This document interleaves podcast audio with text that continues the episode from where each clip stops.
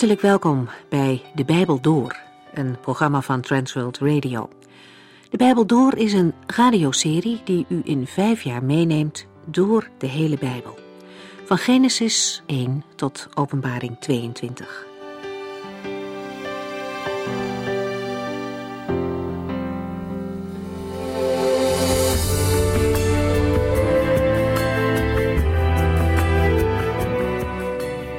We zijn in deze vijfjarige serie De Bijbel door bezig met het boek Nummerie.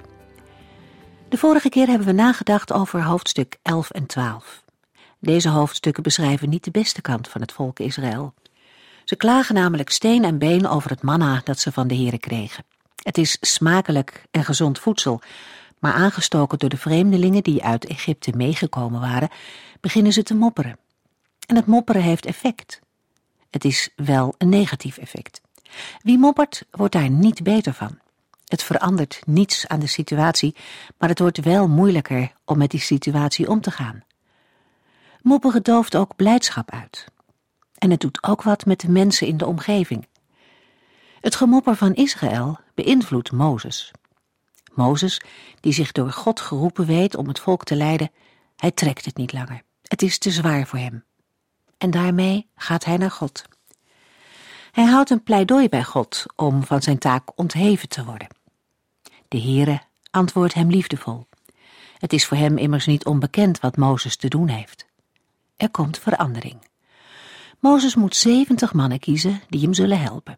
En de Heere zal hem daarbij door zijn geest leiden. Het gemopper van het volk is echter ook niet aan de Heere voorbij gegaan.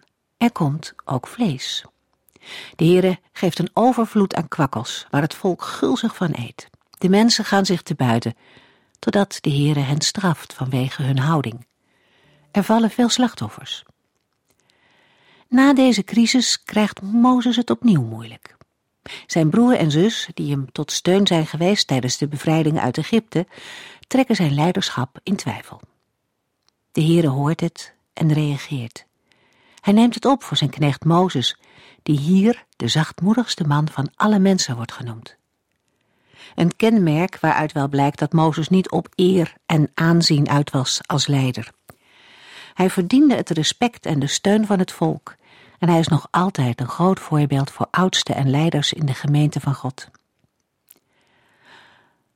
Wanneer God Mirjam straft met melaatsheid, pleit Mozes voor haar. Hij pleit bij de Here om genezing. Ze moet een week buiten het kamp blijven en dan mag ze terugkomen. Het hele volk moet zo lang wachten. De trotse houding van Mirjam, die een plaats wilde innemen die haar niet toekwam, heeft grotere gevolgen dan zij vooraf had vermoed. We lezen verder, hoofdstuk 13.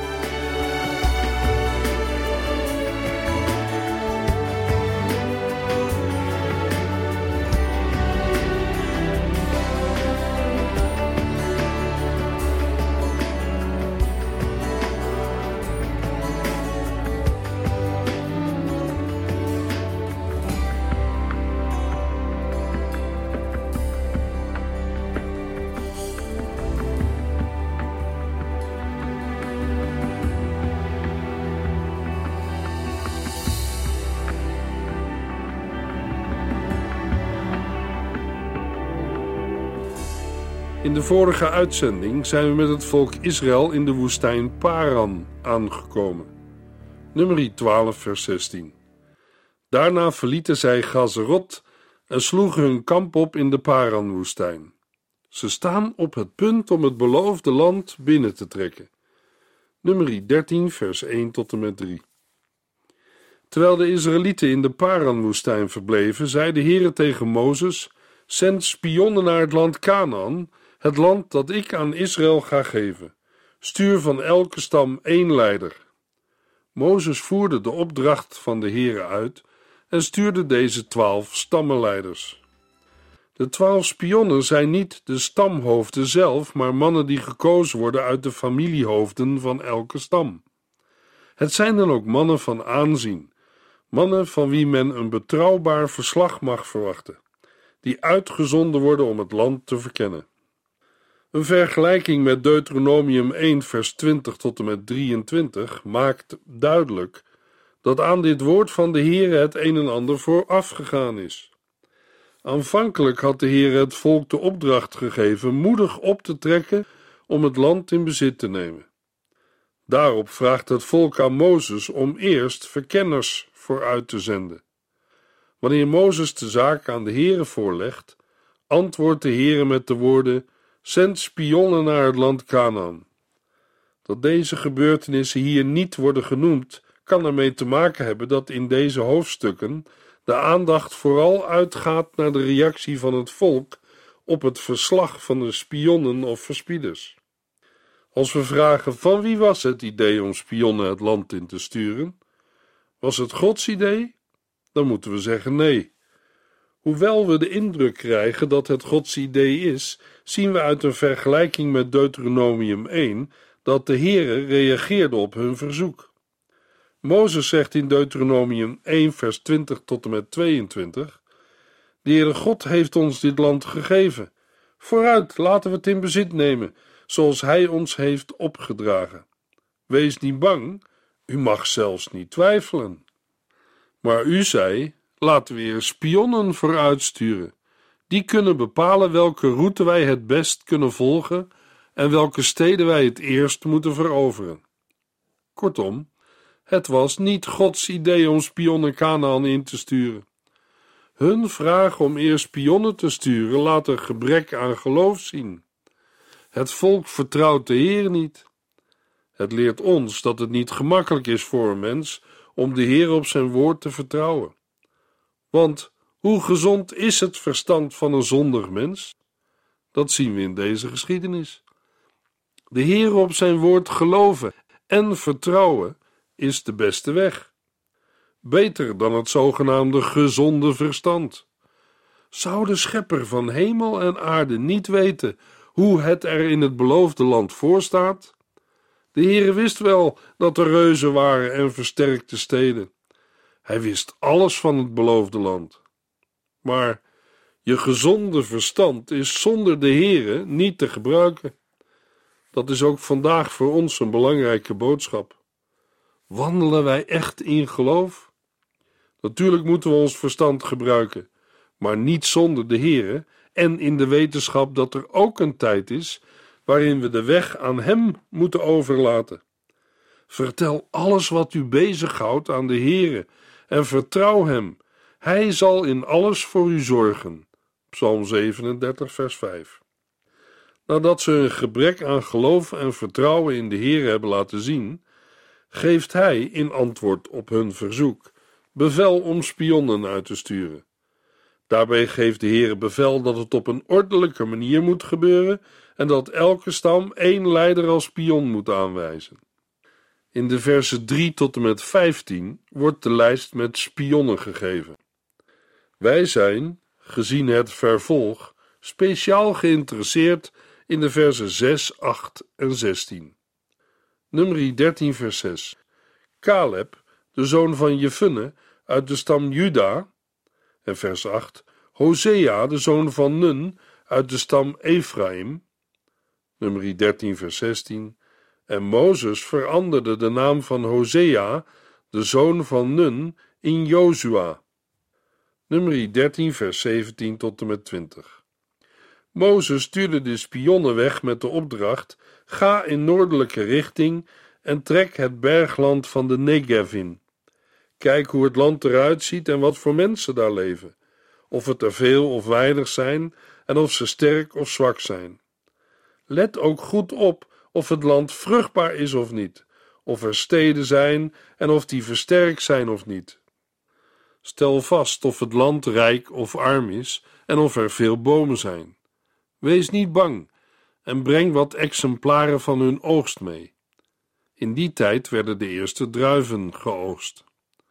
De spionnen of verkenners krijgen een duidelijke opdracht mee.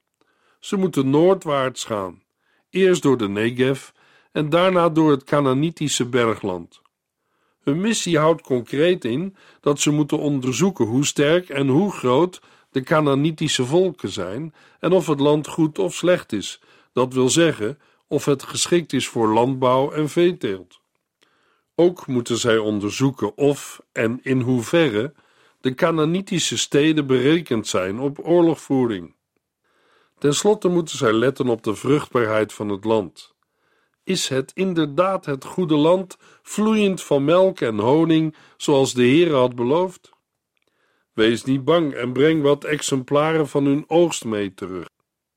Vers 20 sluit af met de opmerking dat de oogsttijd van de druiven net is aangebroken. Nummer 13, vers 21. Zo vertrokken de spionnen en verkenden het land, van de woestijn Sin tot aan Regob, waar de weg naar Hamat begint. Hamat ligt ver weg, in het uiterste noorden van het land. De spionnen deden hun werk grondig. Ze hadden er een boek over kunnen schrijven. Aan het einde van de reis wisten zij er heel wat over te vertellen. In nummer 13 wordt verteld naar welke plaatsen zij gingen en dat ze reuzen, kinderen van Enak, hadden gezien. Nummer 13, vers 22 tot en met 25. Terwijl ze in noordelijke richting trokken, doorkruisten zij eerst de Negev en kwamen in Hebron aan. Daar woonden Achiman, Sesai en Talmai, de kinderen van Enak. Hebron was een erg oude stad, want hij werd zeven jaar eerder gesticht dan de stad Soan in Egypte. Daarna kwamen zij in het dal Eskol, waar zij een tros druiven van een wijnrank sneden. Deze tros was zo groot dat twee mannen hem aan een stok tussen zich in moesten dragen. Ook namen zij een aantal granaatappels en vijgen mee. De Israëlieten noemden het dal vanaf die tijd Eskol, tros, vanwege de tros druiven die zij vandaar hadden meegenomen. Na veertig dagen keerden de spionnen van hun tocht terug. De spionnen gaan op weg om het land te onderzoeken. Eerst volgt een algemeen overzicht van hun tocht. Van het uiterste zuiden tot aan het uiterste noorden van Canaan. Het hele land wordt bekeken. Vervolgens wordt meer in detail ingegaan op de bevindingen van de verkenners in de nabijheid van de stad Hebron. De oudere naam is Kirjat Arba. De steden zijn niet gemakkelijk in te nemen. Het zijn vestingen en er wonen reuzen. Maar het land is inderdaad goed en vruchtbaar, zoals de Heere had beloofd. Ze snijden een grote druiventros af en vinden granaatappelen en vijgen. Nummer 13, vers 26 en 27. Zij rapporteerden hun bevindingen aan Mozes, aan Aaron en het hele volk Israël in de Paran-woestijn bij Kades en lieten het fruit zien dat ze hadden meegenomen. Dit was hun verslag. Wij kwamen in het land dat wij moesten verkennen. Het is inderdaad een land waar melk en honing vloeit. Het is prachtig. Kijk maar eens naar dit fruit dat wij als bewijs hebben meegenomen. Hun verslag bevestigde wat de Heer had gezegd toen hij zei dat het een land was dat overvloeit van melk en honing. Nummer 13, vers 28 en 29. Maar de mensen die daar wonen zijn sterk en hun steden zijn goed versterkt en groot. Wij hebben zelfs reuzen, kinderen van Enak, gezien. De Amalekieten wonen in het zuiden en de Hethieten, Jebusieten en Amorieten wonen in het bergland. Langs de kust van de Middellandse Zee en in het rivierdal van de Jordaan wonen de Canaanieten. De nadruk van het verslag van de spionnen ligt op de moeilijkheden die zij verwachten bij de inname van het land. Zij vertellen niet dat grote delen van Canaan zeer dun bevolkt zijn. Het bergland en het latere Galilea waren in die tijd voor een groot deel onbewoond. De spionnen wekken juist de indruk dat er in Canaan aan alle kanten sterke vijandelijke volken wonen. Ook met betrekking tot de steden stellen zij de situatie somberder voor dan deze in werkelijkheid is. Uit opgravingen blijkt dat de toenmalige steden relatief klein waren en dat er met name in het bergland niet veel versterkte steden waren. De spionnen spreken over grote versterkte steden en dat er reuzen waren in het land. De steden waren ommuurd en erg groot. Hun feiten waren juist, maar de interpretatie van die feiten was verkeerd. Nummer 13, vers 30 tot en met 33. Toen kwam het volk in opstand tegen Mozes. Maar Caleb trachtte het te kalmeren en zei: Laten we nu meteen optrekken en het land in bezit nemen, want wij zijn sterk genoeg om het te veroveren. Niet tegen mensen die zo sterk zijn als zij, vonden de andere spionnen. Ze zouden ons vernietigen. Het verslag van de meerderheid van de spionnen was negatief. Het land wemelt van de strijders en de mensen zijn allemaal krachtig gebouwd. Wij hebben kinderen van Enak gezien, afstammelingen van de vroegere reuzen. We voelen ons als sprinkhanen bij hen vergeleken. Caleb probeert het volk nog tot bedaren te brengen. Hij verzekert het volk dat zij het land in bezit zullen nemen. Het benadrukt dat niet de vijandelijke volken, maar de Heere de rechtmatige eigenaar is van het land. Deuteronomium 1, vers 8. Maar de andere spionnen zijn duidelijk in hun conclusie. De Kanaanieten zijn te sterk. Het heeft geen zin het land binnen te trekken. Zij vergeten de Heer erbij te betrekken. Ze laten God buiten beeld. Als ze hem erbij betrokken hadden, zouden ze een heel ander verhaal hebben gehad. Het enige dat ze nu kunnen zeggen is: we voelden ons als sprinkhanen bij hen vergeleken. Maar Caleb zegt: wij zijn sterk genoeg om het te veroveren. Wat gaat er nu gebeuren? Alleen Jozua was het met Caleb eens. Wat is de situatie?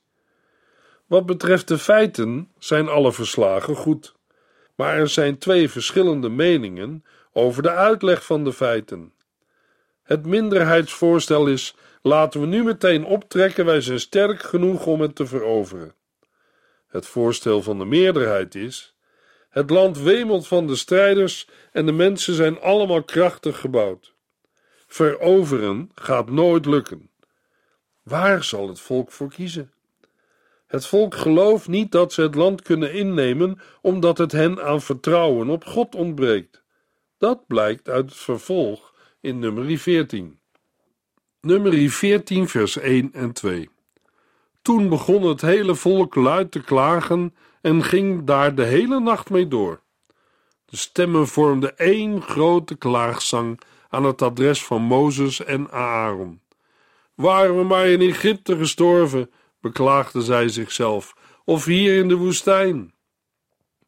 De ontmoedigende woorden van de spionnen missen hun uitwerking niet. Grote wanhoop maakt zich die nacht meester van het volk. De volgende dag lopen de Israëlieten te hoop tegen Mozes en Aaron. Het hele volk benadrukt dat het hierbij gaat om het volk als geheel en niet om een klein, luidruchtige minderheid. De wanhoop is omgeslagen in rebellie. Niet alleen tegen Mozes en Aaron als leiders van het volk, maar vooral tegen de Heere zelf. Zij betreuren het dat hij hen hier heeft gebracht. Nog liever waren ze in Egypte of in de woestijn omgekomen.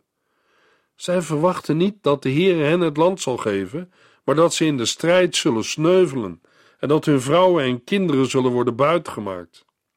Hun conclusie is dan ook dat ze beter maar een andere leider kunnen kiezen en terugkeren naar Egypte. Het land van de aardsvijand, van wie de Heer hen door krachtig ingrijpen heeft verlost, lijkt ineens een begeerd toevluchtsoord te zijn. Ook op andere plaatsen in het Oude Testament is terugkeren naar Egypte een teken van gebrek aan vertrouwen in de Heere God. Deuteronomium 17 en Jesaja 30. Hebreeën 3 laat zien dat Israël weigerde om het beloofde land in te trekken. En waarom konden zij die rust en vrede niet krijgen? Omdat ze hem niet wilden vertrouwen. Het was ongeloof dat hen ervan weerhield om het land binnen te gaan. Nummer 14, vers 3 tot en met 9. Dat nog liever dan het land binnentrekken dat voor ons ligt. De Heere zal ons daar laten omkomen en onze vrouwen en kinderen zullen slaven worden. Laten we hier vandaan gaan en terugkeren naar Egypte. Dat idee sloeg aan in het kamp. Laten wij een leider kiezen die ons kan terugbrengen naar Egypte, schreeuwde zij. Toen wierpen Mozes en Aaron zich in het bijzijn van het volk Israël met hun gezicht op de grond. Twee van de spionnen, Jozua, de zoon van Nun, en Caleb, de zoon van Jefunne, begonnen hun kleren te scheuren en zeiden tegen het verzamelde volk: Het land dat voor ons ligt is prachtig en de Heer is ons welgezind. Daarom zal Hij ons veilig dat land binnenbrengen en het ons geven. Het is erg vruchtbaar, een land dat overvloeit van melk en honing. Mensen, kom toch niet in opstand tegen de Heere. Wees niet bang voor de inwoners van dat land. Wij zullen hen overwinnen, want zij zijn als brood voor ons. De Heere staat aan onze kant en beschermt hen niet langer. Daarom moeten wij niet bang voor hen zijn. De Israëlieten willen de woorden van Jozua en Caleb niet horen. Met Mozes en Aaron met hun gezicht op de grond keert het volk zich tegen Jozua en Caleb en dreigt hen te stenigen. Nummer 14, vers 11. Maar de enige reactie van de Israëlieten bestond uit het voorstel Jozua en Caleb te stenigen. Toen verscheen de heerlijkheid van de Heere in de tabernakel aan al de Israëlieten. Dan grijpt de Heere zelf in.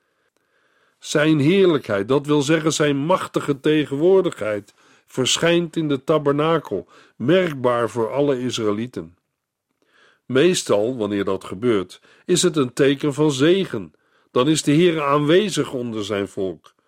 Maar in deze context krijgt de verschijning van Gods majesteit een dreigend karakter. De Heer is hier, maar het volk dat hem toebehoort is opstandig. Nummer 14, vers 11 en 12. De Heere zei tegen Mozes: Hoe lang zal dit volk nog dwars liggen? Zullen zij mij ooit geloven na alle wonderen die ik onder hen heb gedaan? Ik zal hen verstoten en vernietigen door de pest en u tot een volk maken dat veel groter en machtiger is dan zij. De Heere dreigt het volk uit te roeien door een pestepidemie en Mozes tot een groot volk te maken. Nummer 14, vers 13 tot en met 19. Maar wat zullen de Egyptenaren zeggen als zij dat horen? Hield Mozes de Heere voor. Als u nu uw volk doodt, zullen de volken die uw faam kennen zeggen: De Heere moest hen wel doden, want hij was niet in staat voor hen te zorgen in de woestijn. Hij was niet machtig genoeg hen het land binnen te brengen waarvan hij had gezworen dat hij hun het geven zou. Ach, alstublieft, laat toch uw grote kracht zien. Zoals u, Heer, hebt gesproken. De Heer is eindeloos geduldig en rijk aan goedheid en trouw. Hij vergeeft de zonde en de overtreding, ook al houdt u de schuldigen niet voor onschuldig, en laat u de kinderen tot aan de derde en vierde generatie boeten voor de zonde van hun vaders.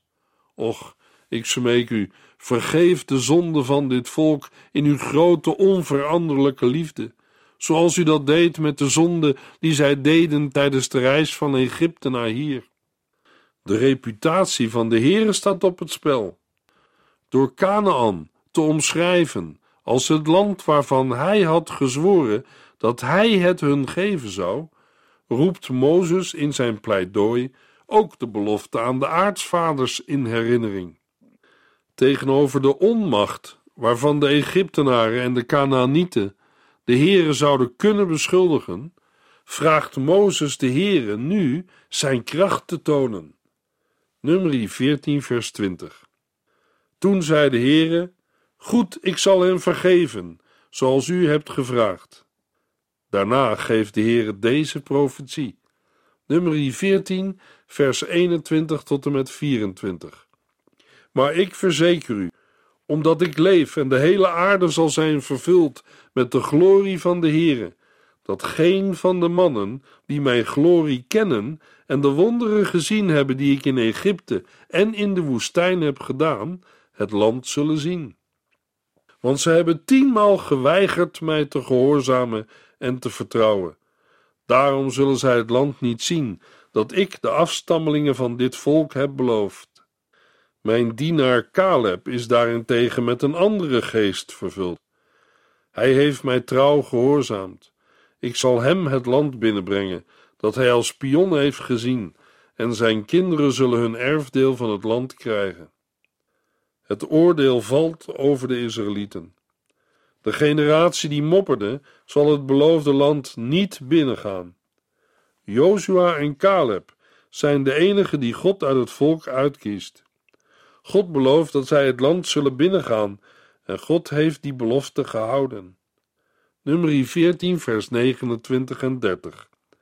U zult alle sterven in de woestijn. Niemand van u die twintig jaar en ouder is en die tegen mij in opstand is gekomen, zal het beloofde land binnengaan. Alleen Caleb en Jozua mogen het land binnengaan. Nummer 14, vers 33. Veertig jaar zult u als nomaden in deze woestijn rondtrekken.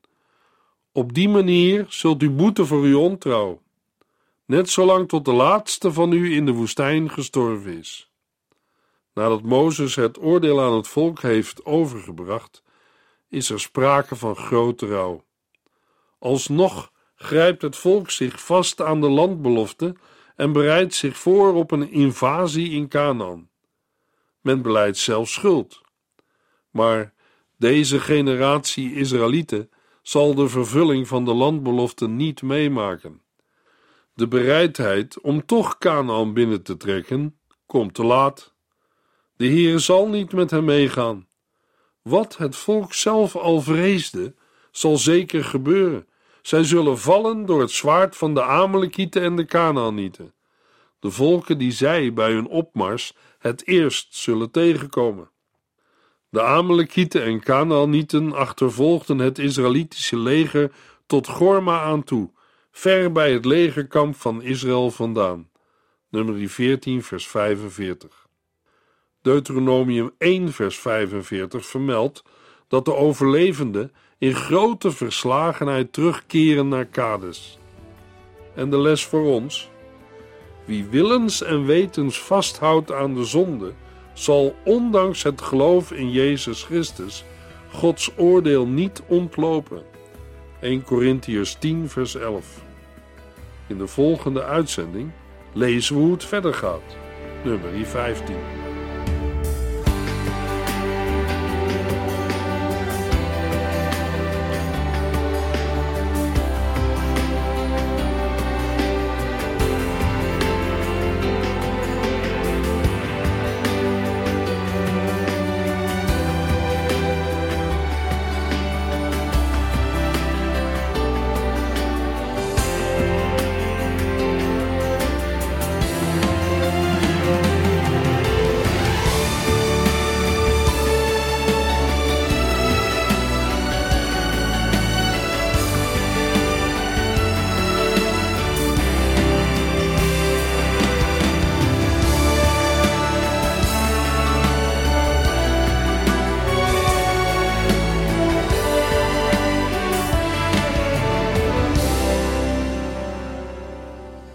Geluisterd naar De Bijbel Door. In het Nederlands vertaald en bewerkt door Transworld Radio. Een programma waarin we in vijf jaar tijd de hele Bijbel doorgaan. Als u wilt reageren op deze uitzending of u heeft vragen, dan kunt u contact met ons opnemen. Tijdens kantooruren kunt u bellen op 0342 47 8432. 0342 47 8432. 32. Ook kunt u een e-mail sturen naar de Bijbel transworldradio.nl en natuurlijk kunt u ook via de post ons bereiken. TWR, postbus 371, postcode 3770, AJ in Barneveld. Dit programma werd gepresenteerd door Cor Weda en Ike André. Techniek was in handen van Odin van Woerdekom. En wij allemaal bedanken u voor het luisteren. Graag tot de volgende keer.